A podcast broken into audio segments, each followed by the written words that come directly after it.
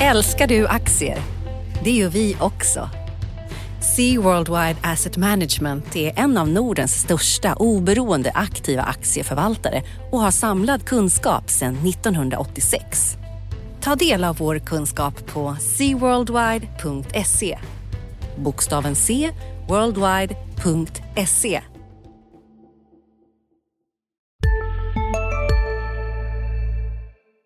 Analyspodden presenteras idag av Blackrock.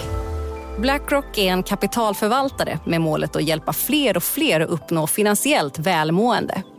Blackrocks kunder är alltifrån företag, banker och tradingplattformar till privatpersoner runt om i världen. Blackrock har ett brett utbud av produkter. Alltifrån traditionella fonder och iShares ETFer till alternativa investeringar. Gå in på blackrock.com för att läsa mer. Analyspodden från Dagens Industri. Hej och välkommen till Analyspodden, Dagens Industris podd om börs och makro. Eh, jag heter Agneta Jönsson och eh, med idag har jag min kollega Johan Wendel. Hej Johan! Hej hej! Idag är det ju då fredag den 23 april och klockan är snart 10. Eh, börsen är lite oregelbunden här och just nu så ligger det och slår runt nollan. Eh, idag ska vi prata om, ja naturligtvis vad som har hänt på börsen. Eh, vi har lite intressanta iakttagelser från rapportfloden. Och sen ska vi prata om en bostadsmarknad där någon ser en ganska god potential faktiskt, eller hur Johan? Ja, men precis. Eh, jag har skrivit en text här i veckan, men eh, vi återkommer till det senare i programmet, eller hur? Jag tycker det. Eh, vi har inte så mycket på makroområdet eftersom vi nu är två börsmänniskor som snackar denna gången. Men en grej som är värt att notera, det är ju igår så kom det ju det här Bidens förslag om skattehöjning. Man vill höja kapitalvinstskatten så att den nästan dubbleras till över 40 procent. Och för de som bor i stater med lokal kapitalvinstskatt också som i New York och Kalifornien så kan skatten bli över 50 procent. Och det gillade inte riktigt de amerikanska börserna igår. Så att då fick vi ju en nerrekyl på lite oro att det kanske blir försäljningar i bolag som har gått mycket, bolag som många har vinster, typ Tesla och sånt där, eh, drabbas hårdast. Så det kan ju ställa till lite stök framöver. Eller vad tror du om det Johan? Ja, men precis. Eh, så får vi se Det Det kan ju skynda på att eh, vissa riskkapitalbolag vill göra exits från sina investeringar. Eh, och sen, de, sen kan det vara värt att poängtera också, vi har ju Trumps skattesänkningar från 2017 där var ju faktiskt lite hårdare mot så kallade blåa delstater, till exempel New York, Kalifornien. För där tog man, man tog ju bort det här SALT det vill säga State and Local Tax Deductions, alltså de här avdragen man kan göra i de här högskattedelstaterna. Så vi får väl se hur det här spelar ut i praktiken. Eh, eh, den amerikanska skattekoden är väl inte känd för sin enkelhet och eh, det kommer nog inte bli så i det här fallet heller. Nej, knappast. Men som sagt, det kan ju göra som du säger att den här som vi redan har nu ganska trångt i dörren att komma in på börsen, det kan ju snabbas på ytterligare på det sättet. Eh, att man vill komma ur onoterade bolag och göra exit och såna här grejer. Och sen kan man också notera att eh, tioåringen som har varit en följetong här under våren, eh, som har faktiskt backat 10 punkter senaste veckan här eh, till 1,56 och eh, man vet inte riktigt vad det beror på. Men det gör också att den här sektorrotationen man har sett från eh, tech in i cykliskt och värdeaktier har lite kommit av sig också. Sen kanske vi ska gå in på det här vad som har hänt under börs på börsen här. Det har ju varit en vecka när rapportperioden satte igång med full fart här egentligen. Och eh, jag läste ett marknadsbrev från IG Markets här som hade sammanfattat det här och skrivit att under veckan så är det 55 procent av rapporterande bolag som har haft en positiv kursutveckling relativt index på rapportdagen och det är ju ganska bra i alla fall. Men några tungviktare har haft lite motvikt. Framförallt Sandvik som satte tonen i tisdags. Där föll ju aktien eh, 5 på ett resultat i linje med väntat 4,2 miljarder och en stark orderingång. Men ändå lite osäkerhet och lite nervöst. Så det är inte helt solklart det här att eh, man handlar upp och ändå ganska hyggliga rapporter. Sen hade vi Ericsson som var kanon igår eh, och eh, Volvo har varit bra och däremot var SKF lite ljummen. Är det några som du har spanat in på Johan? Eh, nej, men nu under morgonen här har vi fått in, eh, eh då fredagsmorgonen här, så ni vet vilken morgon jag pratar om, så har vi fått in rapporter från till exempel Essity. Eh, och det, det, var ju ingen kanonrapport, eh, väldigt eh, negativ eh, omsättningstillväxt och dessutom flaggar ju vd Magnus Groth där för att eh, de här höjda råvarukostnaderna eh, är ju ett problem och det är ingen hemlighet, de har stigit väldigt snabbt man vill höja priserna och ta ut det gentemot kund. Men han säger också att det kommer dröja några kvartal innan man kan göra det. Och det liksom, sammantaget innebär det att det blir ingen det är ingen vidare framtidsutsikt här kommande kvartalen i alla fall för Essity. Så det, och det är en aktie som är en av eh, de, de sämre i OMX30 och det, här blev, det blev inte bättre av det här kan man ju säga. Och sen angående de här tidigare rapporterna som du pratade om, om vi tar till exempel Sandvik då, då egentligen över hela linjen i verkst, bland verkstadsbolagen så var det ju ganska höga värderingar när vi kom in i den här rapportperioden. Så det gäller ju för dem att eh, steppa upp här och leverera eh, bra resultat. Och där kan vi konstatera att eh, om vi tar Volvo, då, då, deras justerade rörelsemarginal på 12,6 procent är ju den högsta hittills de har i ett enskilt kvartal. Så att, eh, det är lite spännande. Men är det något annat som du har fastnat för, Agneta, bland rapporterna? Jag har ju bland mina bolag där, Avanza hade vi i och för sig släppt preliminära siffror, men de kom ju med hela rapporten här i tisdags. Och det är ju det bästa kvartalet hittills. Det som sticker ut där är ju att man har tjänat extremt bra med pengar på det här med eh, handel i utländska aktier. Eh, I det här kvartalet så de här valutaväxlingsavgifterna svarar nästan för 25 procent av intäkterna. Så att eh, courtaget gick ju upp jättemycket. Det gick upp 64 procent jämfört med första kvartalet i fjol som ändå då var ett bra kvartal så att säga. Men de här eh, valutaväxlingsavgifterna då eh, ökade från 114 till 247 miljoner. Så att, eh, det är ju en väldigt lönsam historia. Man tjänar lika mycket på valutan som man gör på courtaget i den typen av affärer. Och då eh, säger man att det handlar inte bara om GameStop utan det är väldigt många andra aktier också. Så stort intresse för utlandshandel och överlag en stark rapport. Intäkterna ökade 70, 76 procent. Eh, du hade ett eh, rörelseresultat som mer än dubblades eh, och en rörelsemarginal på 79 procent. Det är det inte många bolag som klarar av att ligga på de där siffrorna. Det ska vara dina spelbolag i så fall. ja, nej men precis. Eh, nej, det är imponerande av Avanza där. Det är många, inklusive mig själv, ska, ska vara transparent här. Jag tyckte att värderingen är för hög alltså, på den här, men man har ju haft fel. Alltså. Det är bara att konstatera det. Eh, och sen har de ju varit skickliga på att liksom de här kunderna som de får in, ofta unga, eh, är liksom bekanta med varumärken som Netflix, Spotify och sådär och då vill man handla med de aktierna. Och Avanza har varit skickliga på liksom kapitalisera på det och uppmuntra. De har väl haft såna här liksom gratis courtage då, typ på Black Friday och sådana här för amerikanska aktier om jag minns rätt. Va? Precis. Och som du är inne på, den här valutaväxlingsavgiften blir ju enormt lönsam för dem. Eh, om man ska vara lite hård mot dem då, så är det väl liksom den här valutaväxlingsavgiften är väl ännu ett tecken på då, kanske att eh, Förut marknadsförde de sig väldigt hårt som liksom spararens bästa vän på så sätt att de pressade priserna gentemot till exempel storbankerna då, och då framförallt via courtaget. Eh, det gör de ju inte längre. De är inte prisledande på samma sätt. Och eh, man kanske skulle kunna hårdra det och bli, säga att de har de blivit en storbank kanske eh, i den bemärkelsen. Eh, på den här konf-callet i samband med rapporten så var det faktiskt en analytiker som lite syrligt påpekade där liksom att hur rimmar det med er slogan liksom mindre till, mindre till banken och mer till dig så att säga. Eh, så ja. att eh, det är fler än du som har noterat det. Och sen ser man också, apropå värderingarna här, så har ju Avanza har ju hittills handlat med en eh, premie mot Nordnet under alla de åren de var noterade tillsammans förut. Men det som man ser händer nu är faktiskt att Eh, Nordnet har kommit eh, i fatt eh, värderingsmässigt. Så bägge två handlas nu på 26 gånger årets förväntade vinst. Eh, för nästa år däremot så är Avanza lite dyrare. Då ligger prognosen på 33 gånger vinsten mot Nordnets 28. Men det är ju värderingar ändå som faktiskt kräver att man klarar av att hålla i den här tillväxten. Det tål liksom inga motgångar. Ja, nej, men precis. Och, jag tänkte bara det apropå det här som vi har pratat om här med att Avanza kan, kanske inte längre är den här uppstickaren. Det är ju inget ovanligt att företag går från kaxiga uppstickare till eh, mer etablerade spelare när de är så framgångsrika som ändå Avanza har varit.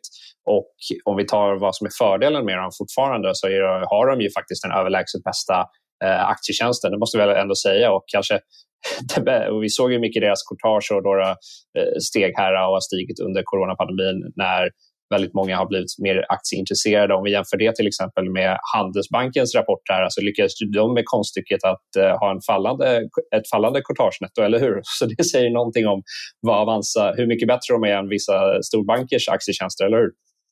Jo, men visst gör det det. Och eh, Handelsbanken kom ju dagen efter, det var ju första storbanken ut.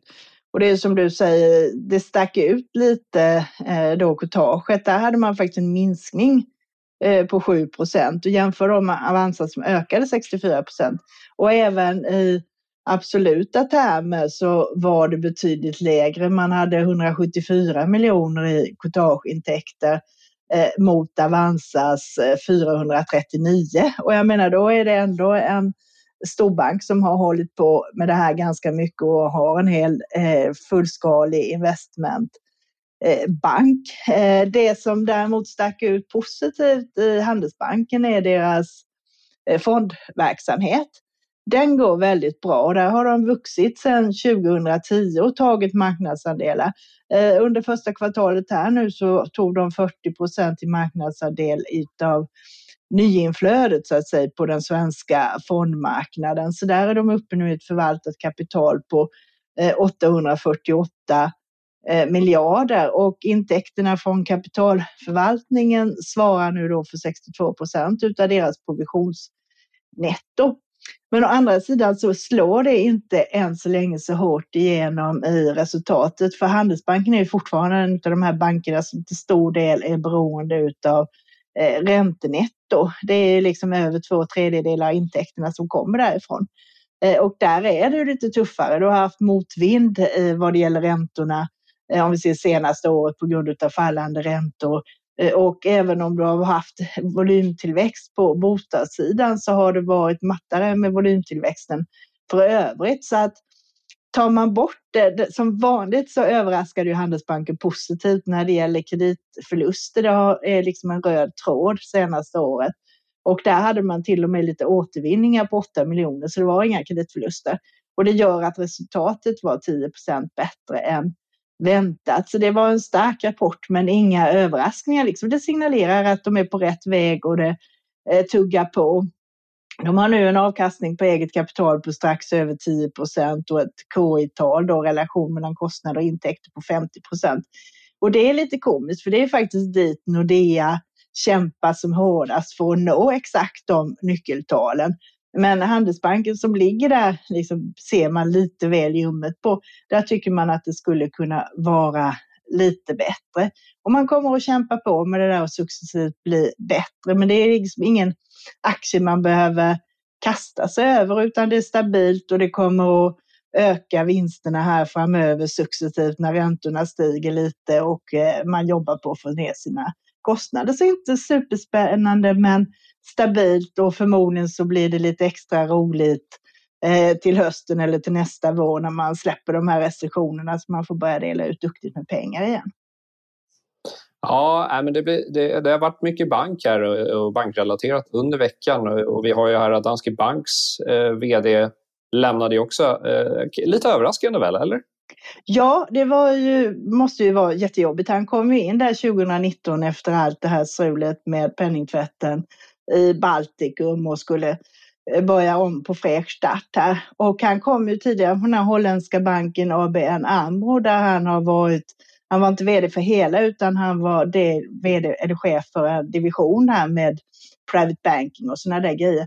Och nu visar det sig att de då har varit inblandade i då var, och fått sådana anklagelser för penningtvätt och gjorde en eh, sån här frivillig uppgörelse där de betalade böter på ett antal miljarder. Och eftersom han då eh, jobbade där och på något sätt var ansvarig under den perioden så gick han självmant nu och sa upp sig då för Danske Bank för att inte ställa till med oreda här. Och eh, man ser ju det att Danske Banks aktier har ju gått ner eh, 7 sedan det här kom i måndag. Så det är lite den här följetongen eh, med Smedbank också liksom. Det är inte över än utan det här dyker upp med jämna mellanrum och tyvärr så straffas det. Även om det för Danske Banks inte var några nyheter så blir man ändå påminn om att det här eh, ligger och hänger som en våt filt över det hela och jänkarna har inte sagt sitt än.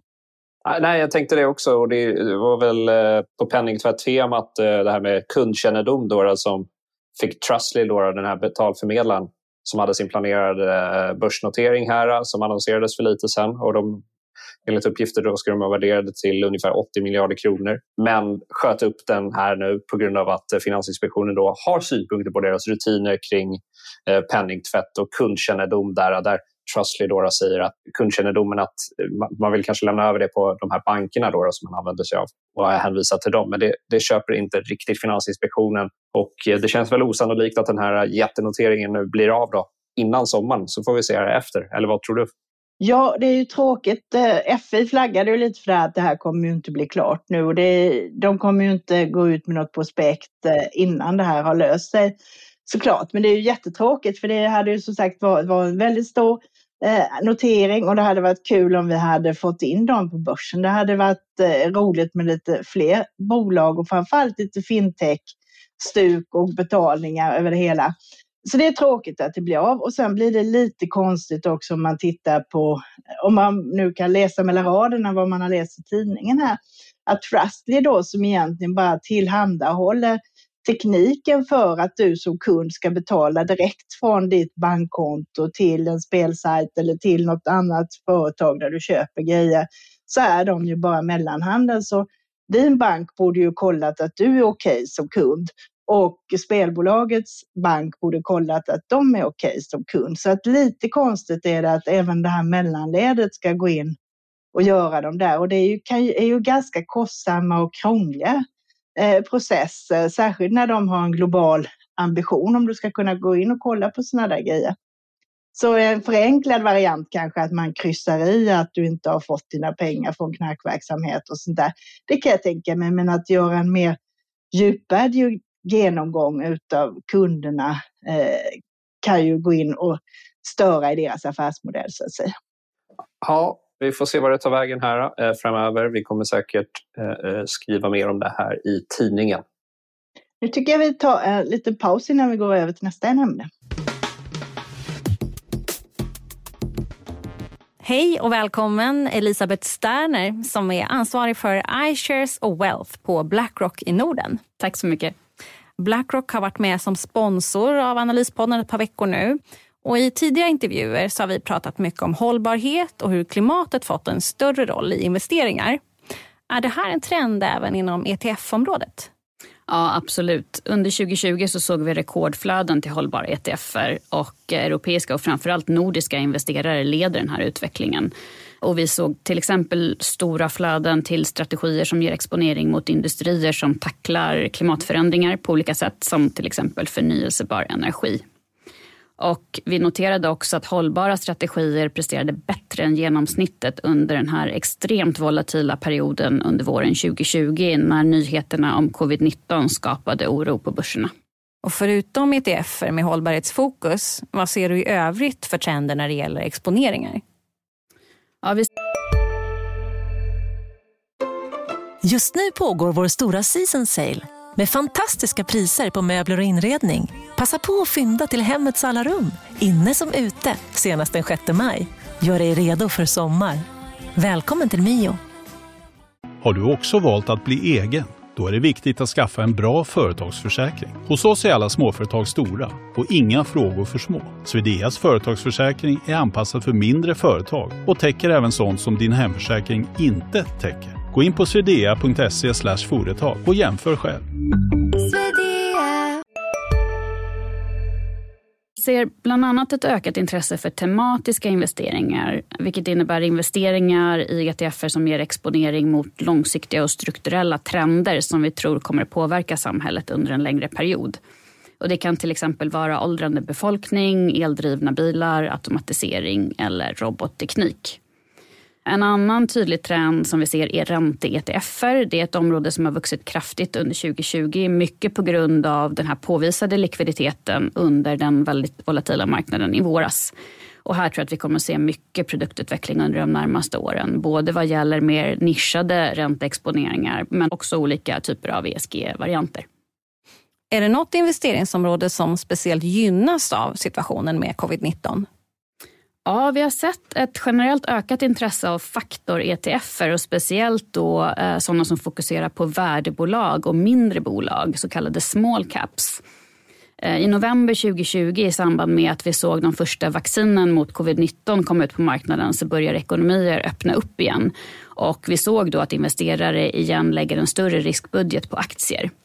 Och man skulle kunna säga att vad vi ser nu är en tävling mellan bolag i den fysiska världen mot bolag i den digitala världen. Det vill säga bolag som gynnas av att ekonomier öppnas upp igen eh, mot de bolag som gynnas av fortsatta lockdowns.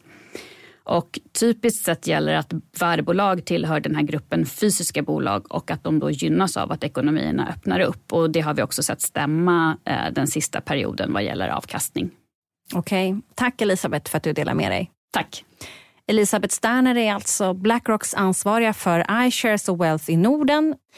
Ni har ju varit med och sponsrat Analyspodden ett par veckor nu. Så ett stort tack till Blackrock. Tack så mycket.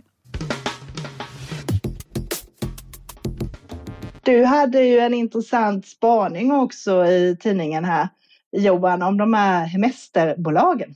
Ja, men precis. Ja, men vi har ju sett här, det är ingen hemlighet att eh, eh, coronapandemin har gett vissa effekter. Vi är ute här mer, i, vi svenskar då, vi är ju lite mer fast i Sverige. Vi rör på oss här, vi semestrar eller hemestrar här. Och det här har vi ju sett i lite hemesterbolag här. Vi har Husqvarna, Byggmax, Thule har kommit med rapporter under veckan här.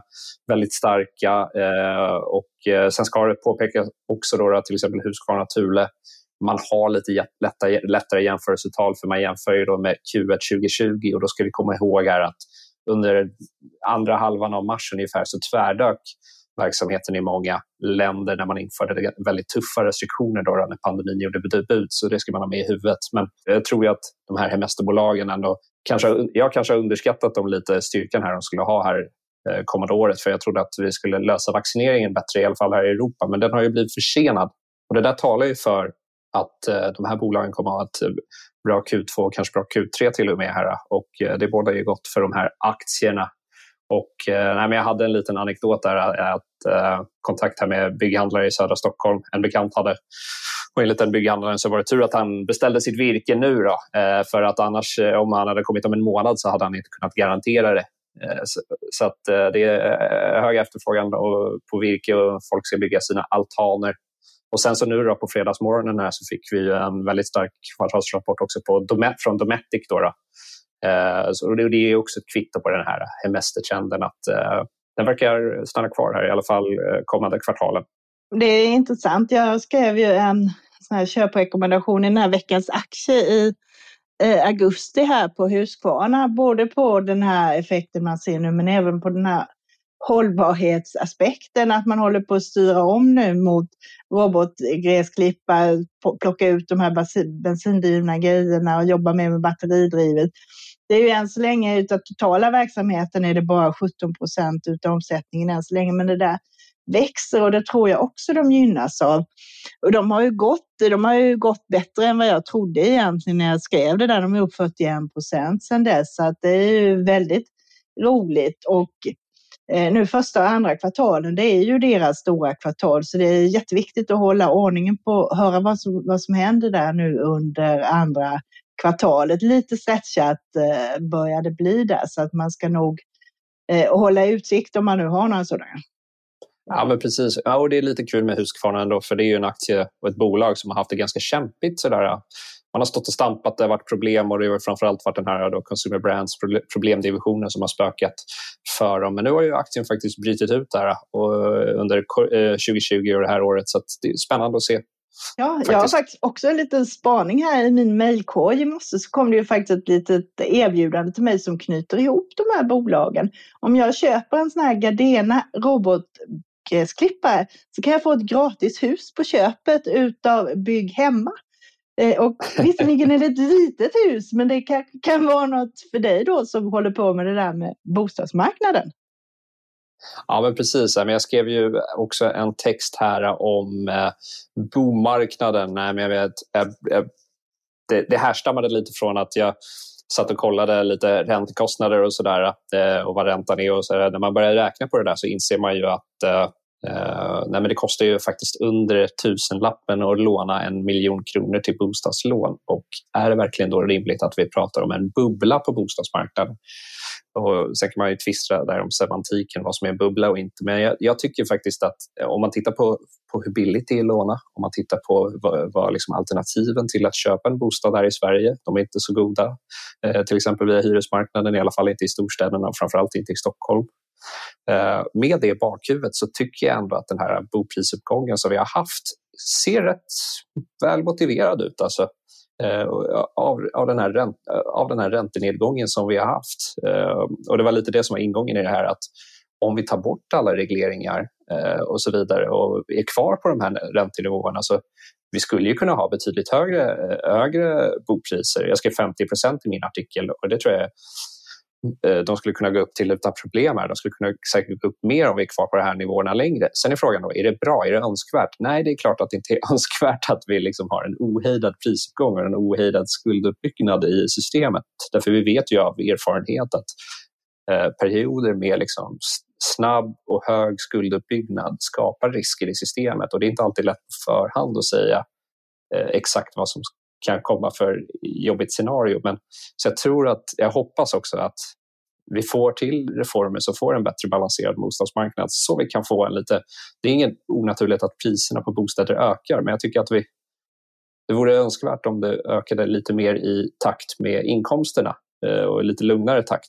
Och, om inte annat så det är ju ganska orättvist här va, mellan generationer. Då, då. Är du är du 70-talist till exempel, då, då gjorde du debut på bostadsmarknaden eh, i spåren av 90-talskrisen där när det var som lägst och har haft en enorm uppgång ju, eh, och kunnat skörda en enorm förmögenhet om de har ägt, eh, ägt en bostad under den här perioden.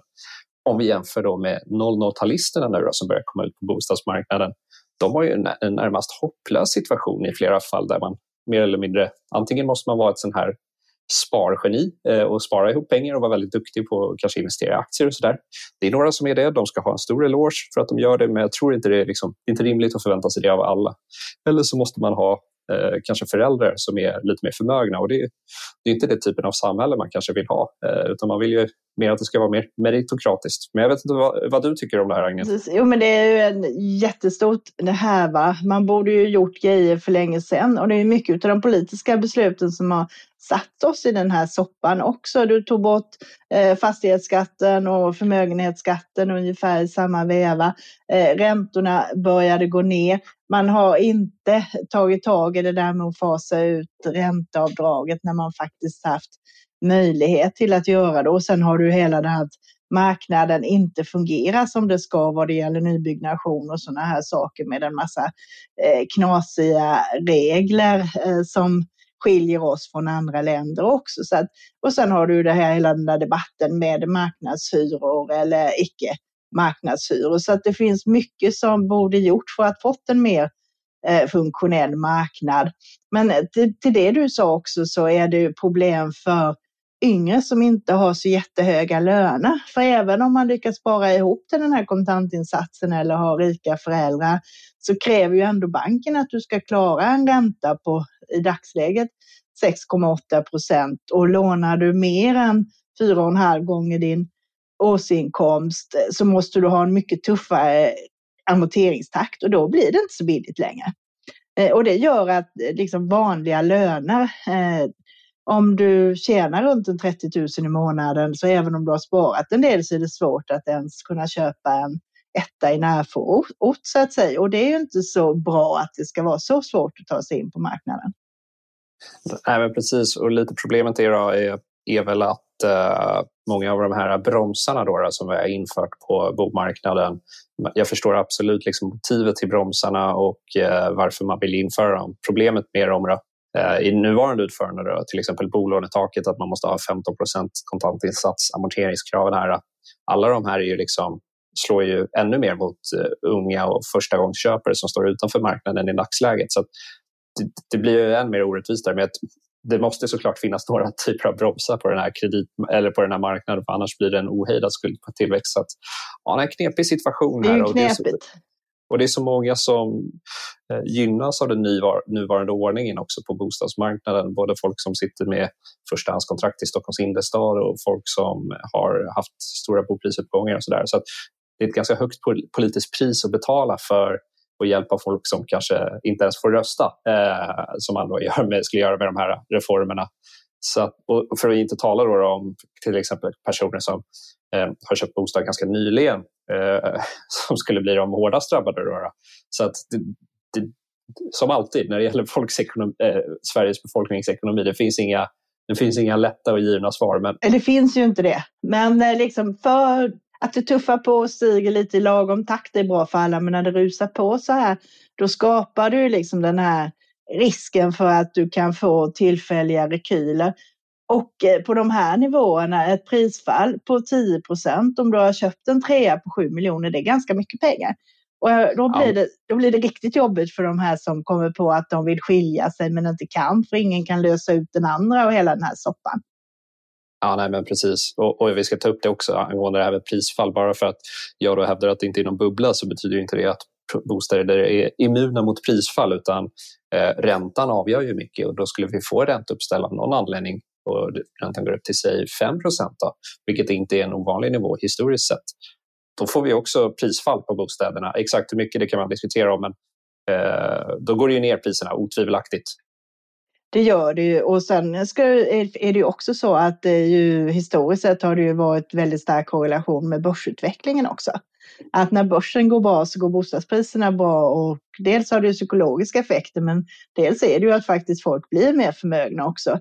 Eh, och tyvärr så fungerar ju det receptet åt andra hållet också. Absolut, absolut. Men ska vi släppa det och gå vidare till vad som händer i nästa vecka istället? Ja, men det låter bra.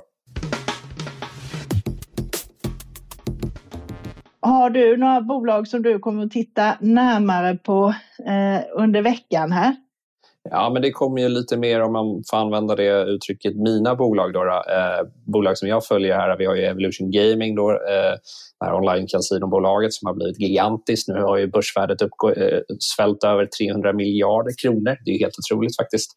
Eh, så har vi ju Kindred och Kambi och Betsson också som kommer i samma sektor. Och sen på fredag så får vi rapport från eh, Stockholmsbörsens största bolag, eller eh, i alla fall om man räknar med de utländska, då, vilket är, alltså är läkemedelsjätten AstraZeneca som rapporterar på fredag. Och det blir spännande, för då ska de faktiskt särredovisa sina vaccinintäkter, har de lovat i senaste rapporten. Så det blir spännande att se. Och sen eh, då, ur ett aktieperspektiv på Astra också, om de justerar prognosen för 2021. För de var ganska försiktiga i sin förra 2021-prognos som de gav i samband med bokslutet. Eh, så det blir spännande. Men eh, vilka tittar du på Agneta? Ja, det kommer ju faktiskt eh, en bank om dagen här från och med tisdag. På tisdag morgon så är det Swedbank eh, som kommer och de är ju precis som Handelsbanken en stor bolånebank så att säga. Så att eh, tar man och skalar bort den här stora boten på 4 miljarder som man hade förra året i första kvartalet och i de stora kreditförlusterna då eh, så kommer det vara en förbättring men inte jättemycket och även där så är det räntenettot så analytikerna kommer att titta jättenoga på. Där är prognosen att det är en aningen sämre än förra året. Det är ingen superspännande rapport och det syns också på kursutvecklingen. Det är ju den av storbankerna som har gått Eh, sämst eh, hittills i år med en uppgång på en 5 bara. Så att man väntar sig inga storverk där, men det är stabilt och det kan vara intressant att höra lite hur det går i deras baltiska verksamheten har kommit lite i bakvatten nu när man hela tiden bara pratat om regleringar och sådana där grejer. Och sen på onsdag eh, så kommer SEB och det är ju en av de här bankerna som borde gynnas av den trenden vi har sett i USA, det vill säga att det ska vara investmentbank i vår. Det är där de stora pengarna tjänas och det är där det rör på sig riktigt ordentligt. Och där har du på alla håll och kanter. Det är ju courtage, det är börsnoteringar, det är företagsaffärer, eh, det är utgivande obligationer och en väldig massa saker som ryms i den där delen. Eh, och det som alltid är liksom lite sådär dark horse i SEB är ju det här som kallas för netto av finansiella transaktioner där det då trillar in omvärderingar av egna eh, innehav och sådana här saker. Det är alltid lite svårare att lista ut vad det är, men ändå tycker jag det ser ganska bra ut för SEBs del och det är väl den som eh, då skulle kunna överraska lite positivt. Eh, och sen kommer även Danske då eh, på onsdag så får vi se vad, hur det går i underliggande verksamheten eh, där. Men där borde också vara lite ränte motvind men starkare på övriga punkter. Och sen har vi Nordea då på torsdag som är inne i en turnaround och har kommit lite längre än Handelsbanken och har lite flyt. Så nu får vi se om Frank Van Jensen har lyckas ytterligare lyfta här. Det är lite som SEB att man eh, att vi kan se en, för, en förbättring inom deras investmentbanks eh, del också. Eh, så det är väl de som jag kommer att lägga störst eh, krut på i nästa vecka. Och sen kommer Nordnet med sin slutliga rapport på torsdag och den kommer jag eh, titta lite på också. Så det kommer vara fullt upp nästa vecka också.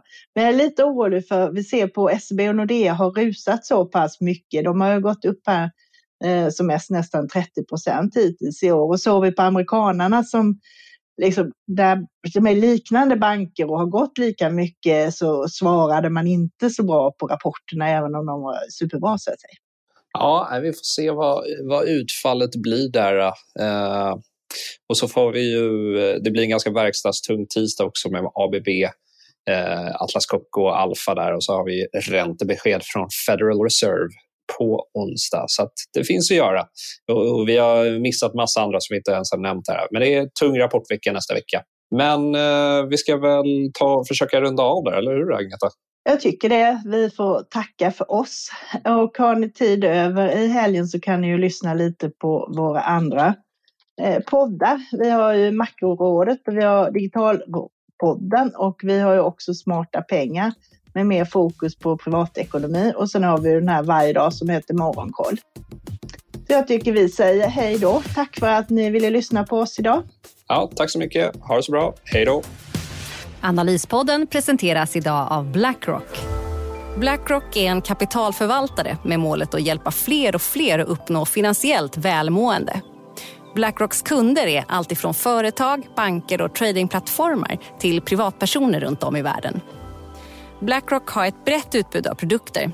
Alltifrån traditionella fonder och iShares ETFer till alternativa investeringar. Gå in på blackrock.com för att läsa mer. Analyspodden från Dagens Industri. Programmet redigerades av Umami Produktion. Ansvarig utgivare Peter Fellman.